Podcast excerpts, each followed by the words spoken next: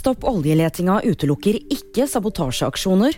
16-åring pågrepet etter skoleskyting. Og Elon Musk avslører hvem han vil støtte i presidentvalget. Organisasjonen Stopp oljeletinga sin talsperson Vebjørn Bjelland Berg utelukker ikke at de kan begå sabotasje og skadeverk på eiendom ved fremtidige aksjoner. Han tar derimot klar avstand fra voldsbruk.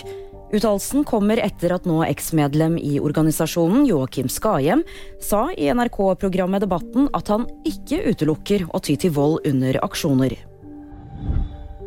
En 16 år gammel gutt er pågrepet etter to skoleskytinger i Brasil. Gutten åpnet ild mot to skoler i delstaten Espirito Santo. Tre mennesker ble drept og elleve såret. Motivene for drapene er foreløpig ikke kjent.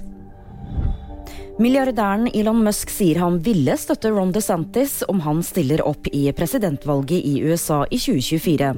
Tesla-grunnleggeren har tidligere sagt at han vurderte å støtte DeSantis, og mener at han lett ville vinne over Joe Biden. 44-åringen ble nylig gjenvalgt som guvernør i Florida, og regnes som en rival til Donald Trump. Det var VG nyheter, og de fikk du av meg, Julie Tran.